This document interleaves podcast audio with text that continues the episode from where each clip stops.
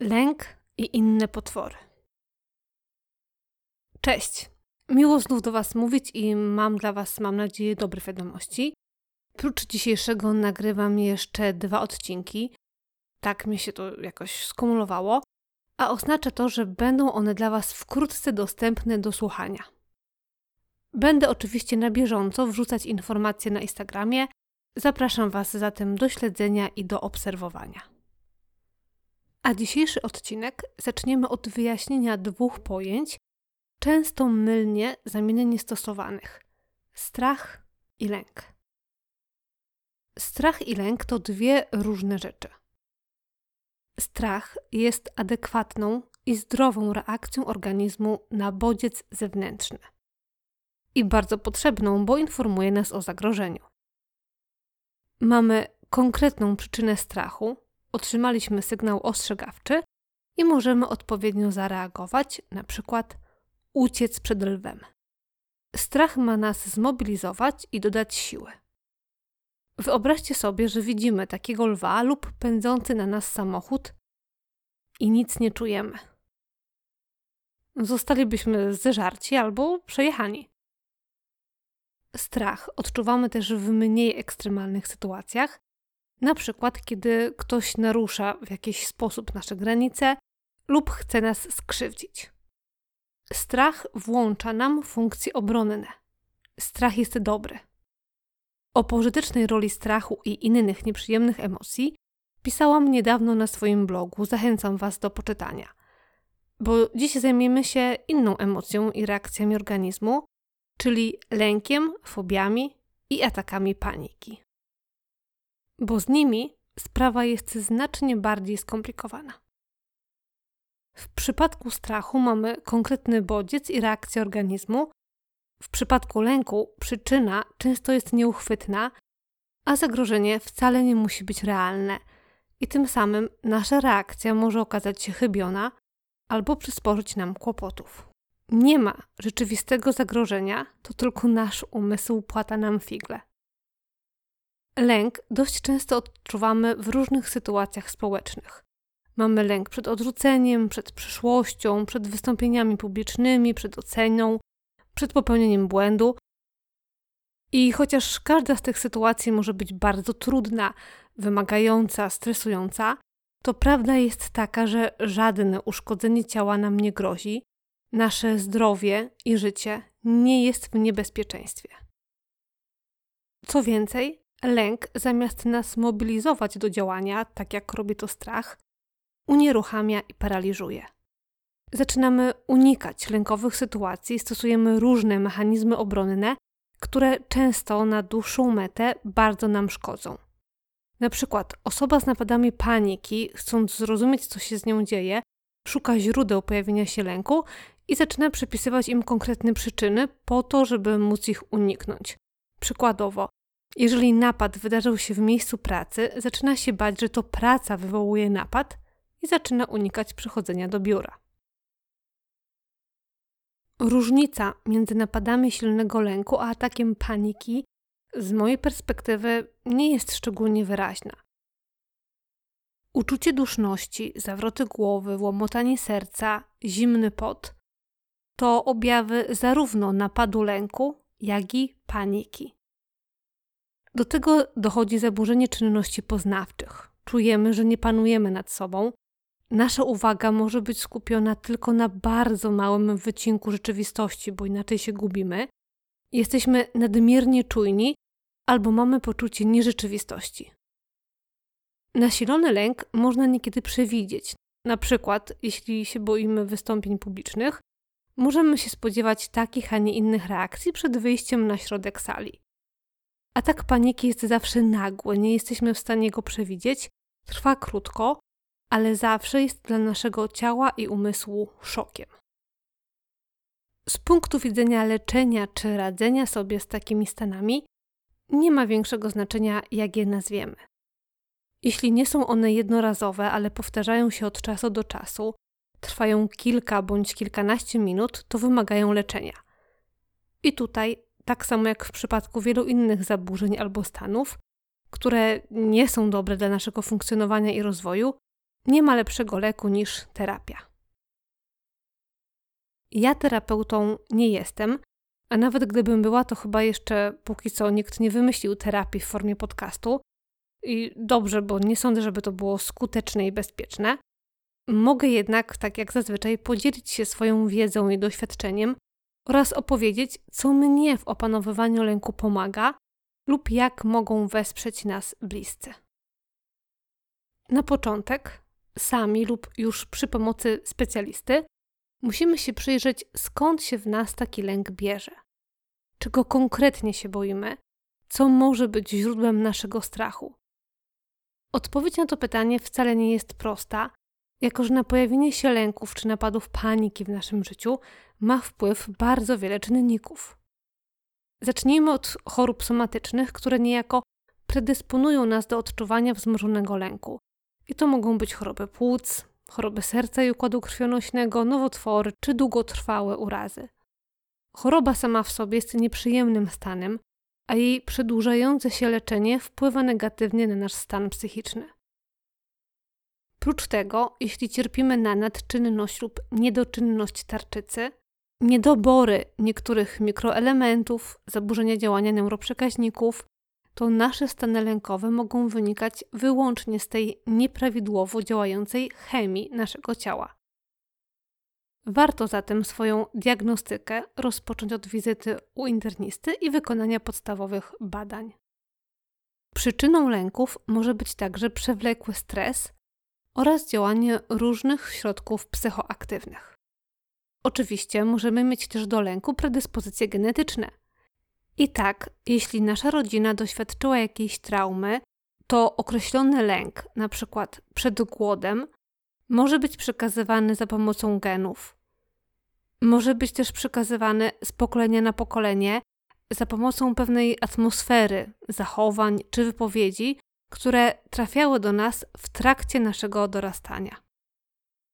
Wystarczającą przyczyną do pojawienia się lęków może być nasza ogólna kondycja psychoemocjonalna. Na przykład, jeżeli jesteśmy niepewni, czujemy się niedowartościowani, mamy skłonności perfekcjonistyczne albo do histerii, to te nasze cechy stają się dla lęków bardzo przystępną pożywką. Łatwiej jest wzbudzić lęk w osobie niepewnej siebie niż w osobie przekonanej o własnej wartości.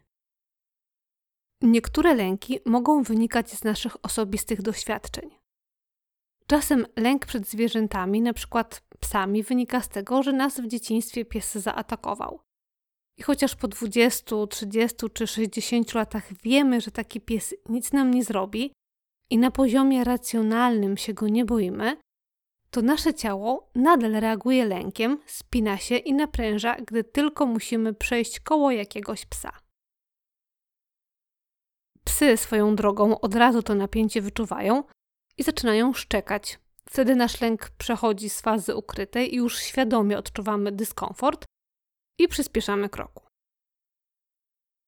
W ostatnim roku, jak wielu z nas, przyglądałam się reakcjom swoim i otoczenia na pandemię. I tak, mamy tutaj cały wachlarz zachowań, od barykadowania drzwi po wypieranie i nieprzestrzeganie obowiązujących zasad. Nie chcę tutaj w żaden sposób oceniać racjonalność lub braku racjonalności różnych zachowań. Każdy, że tak powiem, działa jak umie. Moja reakcja była z pewnością podszyta strachem. Nie tyle o zdrowie i życie moje, ale przede wszystkim bliskich, szczególnie tych, którzy, jak to się teraz mówi, mają choroby towarzyszące. Do kolejnych wydarzeń, y, zamykania i otwierania gospodarki, zacieśniania i luzowania obostrzeń, podchodziłam ze sporym niepokojem, dezynfekowałam ciągle i wszystko oraz miesiącami nie wydawałam rodziny ani znajomych. Jedna z moich znajomych z kolei, w miarę swoich możliwości i czasami chęci danego dnia, przestrzegała obowiązujących norm, ale bez przesady. I na przykład nie dezynfekowała opakowań z przyniesionych do domu zakupów. W pracy nie nosiła maseczki, Uważała ogólnie, ale bez przesady. Oczywiście nie chciała zachorować i nie chciała tego dla kogokolwiek ze swoich bliskich, ale podchodziła do tematu z dużo większym luzem niż ja. Nieporównywalnie. Zastanowiło mnie to wtedy, dlaczego my, o dość podobnym, ogólnie rzecz biorąc, sposobie patrzenia na świat, mm, tak inaczej reagujemy w tej konkretnej sytuacji. I olśniło mnie. Ja, myśląc o chorobie najbliższych w kontekście pandemii, widzę szpitalne korytarze, respiratory, dni i noce czuwania przy łóżku, śmierć, stratę i ból. Skojarzenia mojej znajomej nie przewidywały żadnego z tych obrazów i doświadczeń. Dlaczego? Bo każda z nas przeżyła coś zupełnie innego. Ja niestety spędziłam lata przy łóżkach chorych, w szpitalach, w otoczeniu różnej aparatury, a strata dwóch najbliższych osób w moim życiu to na pewno jedno z najtrudniejszych doświadczeń. I w pandemii towarzyszył mi lęk, że coś podobnego może się znowu wydarzyć. Osoba, która nie wie, czym jest długa, ciężka choroba i strata kogoś najbliższego, prawdopodobnie takiego lęku mieć nie będzie. I to jest zupełnie normalne. I to nie znaczy, że moja znajoma jakoś mniej czy bardziej racjonalnie, albo mniej czy bardziej beztrosko podchodziła do sprawy. Przeciwnie, jej niski poziom niepokoju, lęku oraz powiedzmy średni poziom środków zaradczych wynikał z jej życiowego balastu, czy też z jego braku. Podczas kiedy mnie momentami bliżej było już do tego barykadowania się przed COVID-em. I na pytanie, czego tak naprawdę się bałam, odpowiedzią nie będzie koronawirus, ani nawet pandemia. Bałam się, że znajdę się znowu w bardzo trudnej dla mnie do zniesienia sytuacji, czuwania przy łóżku poważnie chorej bliskiej osoby lub nawet straty. Innym przykładem lęku, którego źródło wcale nie jest oczywiste, jest moja przyjaciółka, która niedawno miała zadzwonić do szpitala i umówić się na kontrolę po operacji. Zajęło jej to jakieś trzy dni, a to dlatego, że odczuwa lęk przed dzwonieniem, rozmową telefoniczną. Sama myśl o tym, że musi zadzwonić do jakiejś przychodni i rozmawiać z kimś obcym przez telefon, budzi w niej dyskomfort. Zaczęły się rozkminy na temat tego, co się stanie na tej wizycie, na tej samej, na którą dopiero co miała się właśnie umówić, a dokładnie tego, co może pójść nie tak, kto i dlaczego będzie dla niej niemiły. Doszło do tego, że biorąc telefon do ręki, czułam mocne i ewidentnie za szybkie bicie serca oraz oblewały ją poty. Czego tak naprawdę się boi? Oceny? Kontaktu z nieznajomą osobą? Kontaktów z ludźmi w ogóle? Z czym się jej to kojarzy? Nie wiem.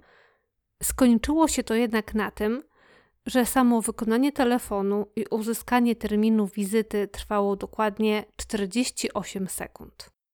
Rejestratorka odpowiedziała na dzień dobry, poprosiła o podanie niezbędnych danych i od razu umówiła ją na pożądany termin do właściwego lekarza. 48 sekund. Trzy dni zdenerwowania. Jeszcze innym przykładem jest moja kolejna koleżanka, Sorry chłopaki, y, dzisiaj same żeńskie przykłady, ale nie znaczy to, że mężczyźni nie odczuwają lęków albo że nie mają napadów paniki. W każdym razie inna moja koleżanka panicznie boi się szczurów. No nie znam chyba osoby, w której szczury budziłyby pozytywne i milusie uczucia, ale ona, widząc w niewielkiej odległości coś, co się porusza i co może być szczurem, może być też kotem, łasicą, albo jeżykiem, zaczyna płakać, mieć problemy z oddychaniem i nie jest w stanie się ruszyć. Wiem, bo zdarzyło się tak, że odbierałam ją spod pobliskiej apteki, roztrzęsioną, zapłakaną i nie będącą w stanie zrobić kroku. Ona z kolei ma nieprzyjemne wspomnienia z dzieciństwa, bo kiedyś szczur przyplątał się do niej w czasie snu i obudziła się właśnie od tego, że, że się gdzieś tam poruszał. Myślę, że nawet u dorosłego mogłoby to być traumatyczne doświadczenie, co dopiero u dziecka. Także w tej sytuacji mamy ewidentne źródło, ale to nie wyjaśnia aż tak silnej reakcji. Nazywanie tego, czego się boimy naprawdę i szukanie możliwego źródła nie jest łatwe. Szczególnie, że lęk nie zawsze wychodzi przed szereg i przykrywamy go innymi emocjami albo działaniami. Mnie akurat zdarza się przykrywać lęk złością. Podnoszę głos i robię awanturę o jakiś drobiazg. Albo wpadam w manię sprzątania, układania, segregowania i porządkowania rzeczy. Wszystko po to, aby odzyskać poczucie kontroli. Lęk bowiem jest często obawą przed czymś, na co nie mamy wpływu. Dlatego też zamiast odczuwać lęk, desperacko próbuję ten wpływ na rzeczywistość sobie przywrócić. I mówię teraz do siebie, do osób, które lęk w różnych momentach swojego życia i w różnych sytuacjach odczuwają.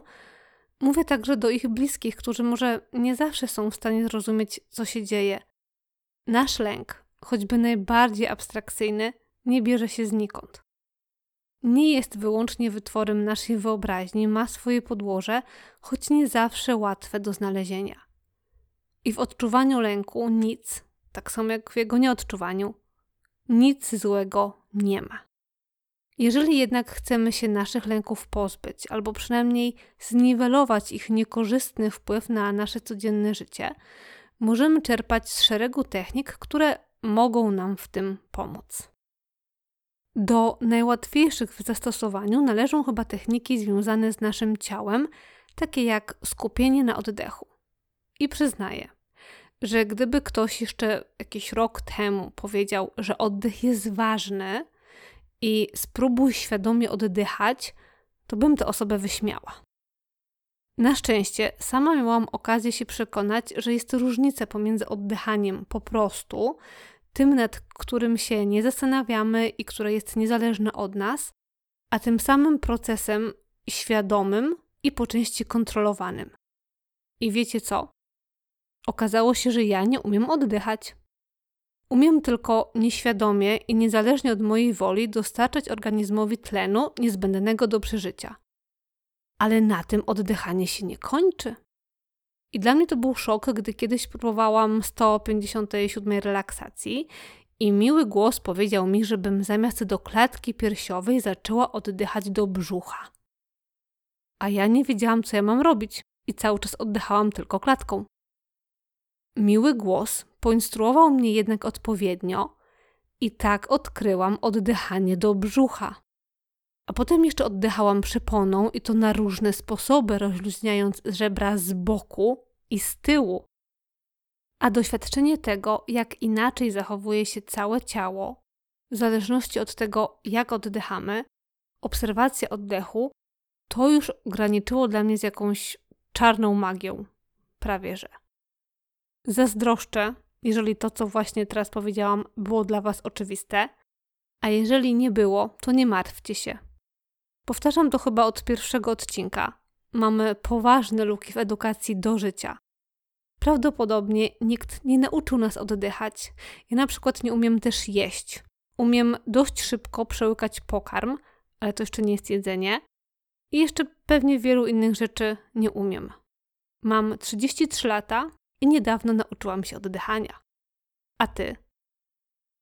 Inną techniką jest rozluźnianie mięśni i tutaj polecam Wam progresywną relaksację albo relaksację Jakobsona, e, bo te terminy często stosuje się zamiennie. U mnie się ona nie do końca sprawdziła, ale wiem od osób, które dotknęła takie paniki, że jest bardzo skuteczna i pomaga też w takim codziennym odstresowaniu się. Polega ona na napinaniu przez kilka sekund, a potem na szybkim rozluźnianiu poszczególnych partii mięśni. To jest chyba 16 grup mięśni i trzeba to robić w ustalonej kolejności. Zwykle te treningi trwają około 20 minut, ale z czasem i nabieraniem wprawy mogą trwać krócej. E, na YouTubie czy na dowolnej innej stronie znajdziecie takie prowadzone treningi. Wystarczy wpisać w wyszukiwarkę relaksacja progresywna lub relaksacja Jakobsona. Co jeśli nie jesteście w stanie skupić się na rozluźnianiu poszczególnych partii mięśni lub na oddechu? No, też nie zawsze jestem. To, co mnie z tej kategorii pomaga i jest niezawodne, to ruch. Ja muszę swój lęk albo czasem jakieś inne trudne emocje wypocić, wychodzić, W ogóle podczas spacerów mnóstwo spraw, mówiąc potocznie, układam sobie w głowie. Oczywiście niekoniecznie trzeba sięgać do jakichś ekstremalnie wyczerpujących sportów, czy też nabijać dziesiątki kilometrów. Można sobie zrobić trening jogi, jeśli ktoś lubi, albo pójść na siłownię czy na basen, jeśli je znowu otworzą. A jeśli teraz właśnie myślicie sobie, dobra, wyłączam ten podcast, bo ja tu chciałem albo chciałam posłuchać, jak radzić sobie z lękiem, a Milaska opowiada, że mam oddychać, rozluźniać mięśnie i spacerować. Serio? No, chyba się dzisiaj nie postarała. Ale może nie wyłączajcie od razu, tylko spróbujcie ocenić to na koniec odcinka, a najlepiej po wypróbowaniu kilku technik. I dodam, że mówi to Wam w swoim podcaście Laska, która jakiś czas temu, dokładnie w tym samym momencie, zastanawiałaby się, czy wyłączyć właśnie ten podcast. Czyż to nie jest najlepsza autoreklama? Inną kategorią działań, które możemy podjąć, żeby ujarzmić nasz lęk, są techniki wyobrażeniowe. Jeżeli boimy się na przykład wystąpień publicznych, to spróbujmy wyobrazić sobie, że każda osoba na widowni jest przebrana za jakieś zwierzę, albo że wszyscy są w samej bieliźnie, a podczas konfrontacji z szefem czy nieuprzejmym urzędnikiem wyobraźmy sobie jego czy ją, który siedzi na tronie, albo że ma dzisiaj straszną niestrawność i zgagę. Na pewno już nie jeden taki pomysł kiedyś słyszeliście. Czasami wizualizuję sobie swój lęk. Wygląda on wtedy zawsze jak bobek z krainy muminków. Pamiętacie? Taki brązowy. Ten z dobranocki z lat 90. Ja nie mam pojęcia, dlaczego tak jest, ale tego bobka znacznie łatwiej ogarnąć i spacyfikować niż coś takiego niezwizualizowanego. Jeszcze innym pomysłem jest wyobrażenie sobie najgorszego, co może się stać. W przypadku wykonania telefonu czy nawet zwolnienia z pracy, to może pomóc, bo często okazuje się, że świat po przejściu tej naszej wyobrażonej katastrofy wcale nie jest taki straszny. Zwolnienie z pracy jest oczywiście bardzo stresującą sytuacją. Jeżeli jednak nie jest to zwolnienie dyscyplinarne, to mamy okres wypowiedzenia, kiedy to nadal otrzymujemy wypłatę, a często jesteśmy zwolnieni z wykonywania obowiązków i mamy sporo czasu na poszukiwanie nowej pracy i udział w rozmowach rekrutacyjnych. Co jeśli nie znajdziemy pracy w odpowiednio krótkim czasie? Czy jesteśmy zdani sami na siebie? Czy mamy rodzinę, która może nas wesprzeć? Czy mamy jakąś poduszkę finansową? Jeżeli przynajmniej raz odpowiedzieliśmy tak, to zwolnienie z pracy w dalszym ciągu bardzo nieprzyjemne i stresujące przeżycie, nie musi oznaczać nas śpiących pod mostem i umierających z głodu. Może to najgorsze, co może się stać, jest tak naprawdę do przejścia i nie musimy się tego aż tak ogromnie obawiać, szczególnie, że jeszcze się nie wydarzyło i nie wiadomo, czy się w ogóle wydarzy. Możemy także podjąć działania związane z maksymalizacją naszego poczucia bezpieczeństwa. Jeśli lękam się o swoje zdrowie i życie w pandemii, słusznym będzie stosowanie się do zaleceń dezynfekcja, noszenie maseczki i unikanie kontaktów. Jeśli boimy się wypadku drogowego, wybieramy jak najbardziej bezpieczne auto, a nie na przykład najmodniejsze i prowadzimy zgodnie z zasadami ruchu. Tutaj niebezpieczeństwo jest jednak takie, że dążąc do maksymalizacji bezpieczeństwa, możemy się nie zatrzymać i zabarykadować na rok w pandemii, albo kupować nowe auto, nie wiem, co kilka miesięcy, bo wyobrażam sobie, że najnowocześniejsze rozwiązania, które mogą mieć znaczenie dla bezpieczeństwa pojazdu i pasażera, pewnie pojawiają się na rynku co chwilę. Dodatkowo musielibyśmy cały czas być z technologią na bieżąco, śledzić ją i zakładam przegląd u mechanika wykonywać no nie raz do roku, tylko no właśnie, ile razy? Dwa razy do roku? Co miesiąc? Gdzie tutaj jest granica pomiędzy zapewnieniem sobie bezpieczeństwa, a popadaniem w paranoję?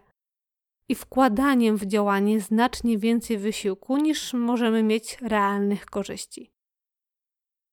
Ja tego nie wiem i nie jestem pewna, czy nie zapędziłabym się za daleko, dlatego to rozwiązanie mogę stosować jedynie wyłącznie pod kontrolą osoby dorosłej i jej głosu zdrowego rozsądku. To, co mnie dosyć często uspokaja, to rachunek prawdopodobieństwa. Czasami, kiedy mój mąż długo skądś nie wraca, nie odbiera telefonu, to zaczynam się bać, a może coś się stało. Przeżywam z tego powodu zdenerwowanie, mm, bo na szczęście nie wpadam w panikę, ale denerwuję się często. Nic złego dotąd się nie wydarzyło. Boimy się latać. Sprawdźmy, ile jest realnie wypadków lotniczych i jaka jest szansa, że takowy naprawdę się wydarzy. Czy nie większe ryzyko jest w przechodzeniu przez przejście dla pieszych, co robimy pewnie codziennie? Albo gdy wpadamy w panikę, bo nie pamiętamy, czy włączyliśmy żelazko i już oczyma duszy swojej widzimy mieszkanie w płomieniach i wóz strażacki na sygnale, to może wystarczy sobie wtedy przypomnieć, kiedy ostatnio zostawiliśmy włączone żelazko.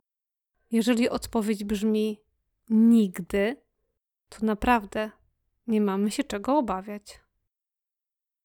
I jeszcze jednym ze sposobów jest próba odwrócenia uwagi, które może być też e, skuteczna także w nagłym napadzie paniki. Nie proponuję tutaj podejmowania życiowych decyzji i rozpoczynania remontu w trybie natychmiastowym, ale o takich bardzo prostych czynnościach, które jednak pochłoną na chwilę nasze szare komórki. Na przykład policz, ile jest czystych par skarpet dla każdego z domowników. Albo ile jest zielonych rzeczy w pomieszczeniu. Coś, co nas zaabsorbuje, ale nie niesie ze sobą żadnych konsekwencji. Bo jeśli zamiast liczenia skarpet rzucimy się na przykład na przekopywanie ogródka, to ten efekt może nie być zadowalający. Proponuję zatem czynność prostą, ale taką, która nas wciągnie. Lęk możemy jeszcze spróbować zracjonalizować i ustawić sobie na niego limit.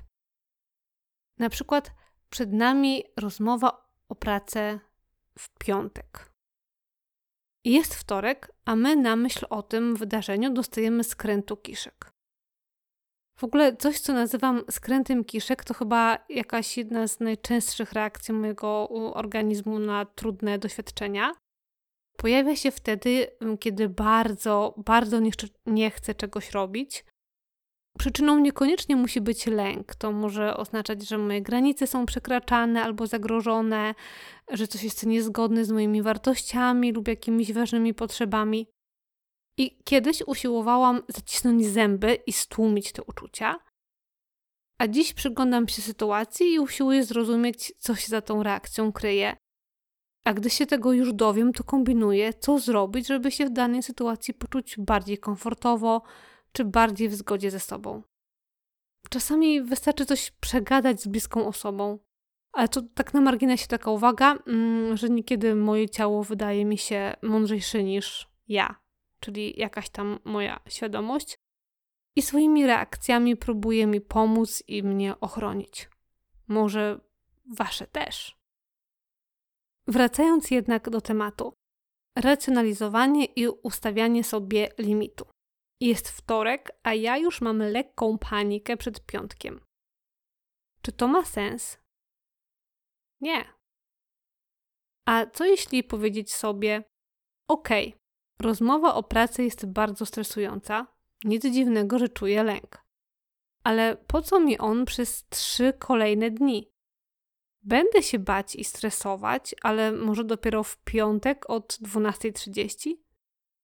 A do tego czasu mogę zachować spokój, bo tak naprawdę nic mi nie grozi. A kiedy i tak dopadają nas jakieś czarne myśli, to sprawdzamy, czy jest już piątek 12.30? Nie? no to nie mamy się czego obawiać. Ostatnim sposobem na pokonanie lęku, o którym chcę Wam powiedzieć, jest strumień świadomości, czyli pozwolenie sobie na przeżycie lęku do końca, przy wykorzystaniu na przykład zapisywania myśli i uczuć czy reakcji naszego ciała, które nam towarzyszą, najlepiej z kimś obok, na wypadek, gdyby nas poniosło i gdybyśmy zaczęli zdrapywać ręcznie farbę ze ściany w nagłej obawie o jej potencjalne toksyczne właściwości, to dobrze by było, gdyby nas ktoś zatrzymał. To rozwiązanie nie jest łatwe i nie jest też bezbolesne, bo stawanie oko w oko ze swoim lękiem to nie lada wyczyn. Przynosi jednak ogromną ulgę. Okazuje się, że tak naprawdę nic złego się nie wydarzyło, nie dzieje się teraz i mało prawdopodobne, że w ogóle się wydarzy. Amerykański psychiatra Maxi Moldsby, twórca racjonalnej terapii zachowania, powiedział: 80% rzeczy, których się obawiasz, nigdy się nie wydarzy, na 12% nie masz wpływu, a z pozostałymi świetnie sobie poradzisz. Gdy nasze lęki nam przeszkadzają i utrudniają życie, pomyślcie, ile energii tracimy na ich pacyfikację i na ile wspaniałych rzeczy mogłaby ta energia być wykorzystana, to jeszcze raz podkreślam, warto, trzeba zwrócić się do terapeuty lub psychologa, ale na pewno tutaj będzie też pomocne wsparcie rodziny i przyjaciół. Co możemy zrobić, jeśli zauważymy, że kogoś z naszego otoczenia dręczą lękowe demony? Przede wszystkim zadbać o poczucie bezpieczeństwa tej osoby. Jeżeli nie jesteśmy w stanie zrobić tego w zakresie, którego dotyczy lęk, to przynajmniej na innych polach. I trzeba wyraźnie dać znać, że jesteśmy gotowi pomóc i wesprzeć, gdy coś faktycznie złego się wydarzy. Bardzo ważnym jest zaoferowanie możliwości wysłuchania, ale bez oceniania. Frazy, ale nie ma się czego bać, albo ale co w tym jest strasznego? Albo serio? Ty się naprawdę tego boisz? Wcale nie są pomocne. Bagatelizowanie czyjegoś lęku nie pomaga. Przeciwnie. Czasami wystarczy pobyć z tą osobą lub porozmawiać o źródłach tego lęku. Wspólne zastanowienie się nad przyczyną, poszukanie rozwiązań bywa pomocne, bo perspektywa z zewnątrz może pomóc nam zobaczyć problem inaczej niż do tej pory. Nie naciskajmy jednak na rozmowę, jeśli bliski nam człowiek aktualnie najbardziej potrzebuje po prostu przestrzeni dla siebie. I pamiętajmy o jednym: odwaga jest możliwa tylko wtedy, kiedy jest strach i lęk, a fajnie jest być odważnym. To był szesnasty odcinek podcastu Nie do powiedzenia, nie do pomyślenia, lęk i inne potwory.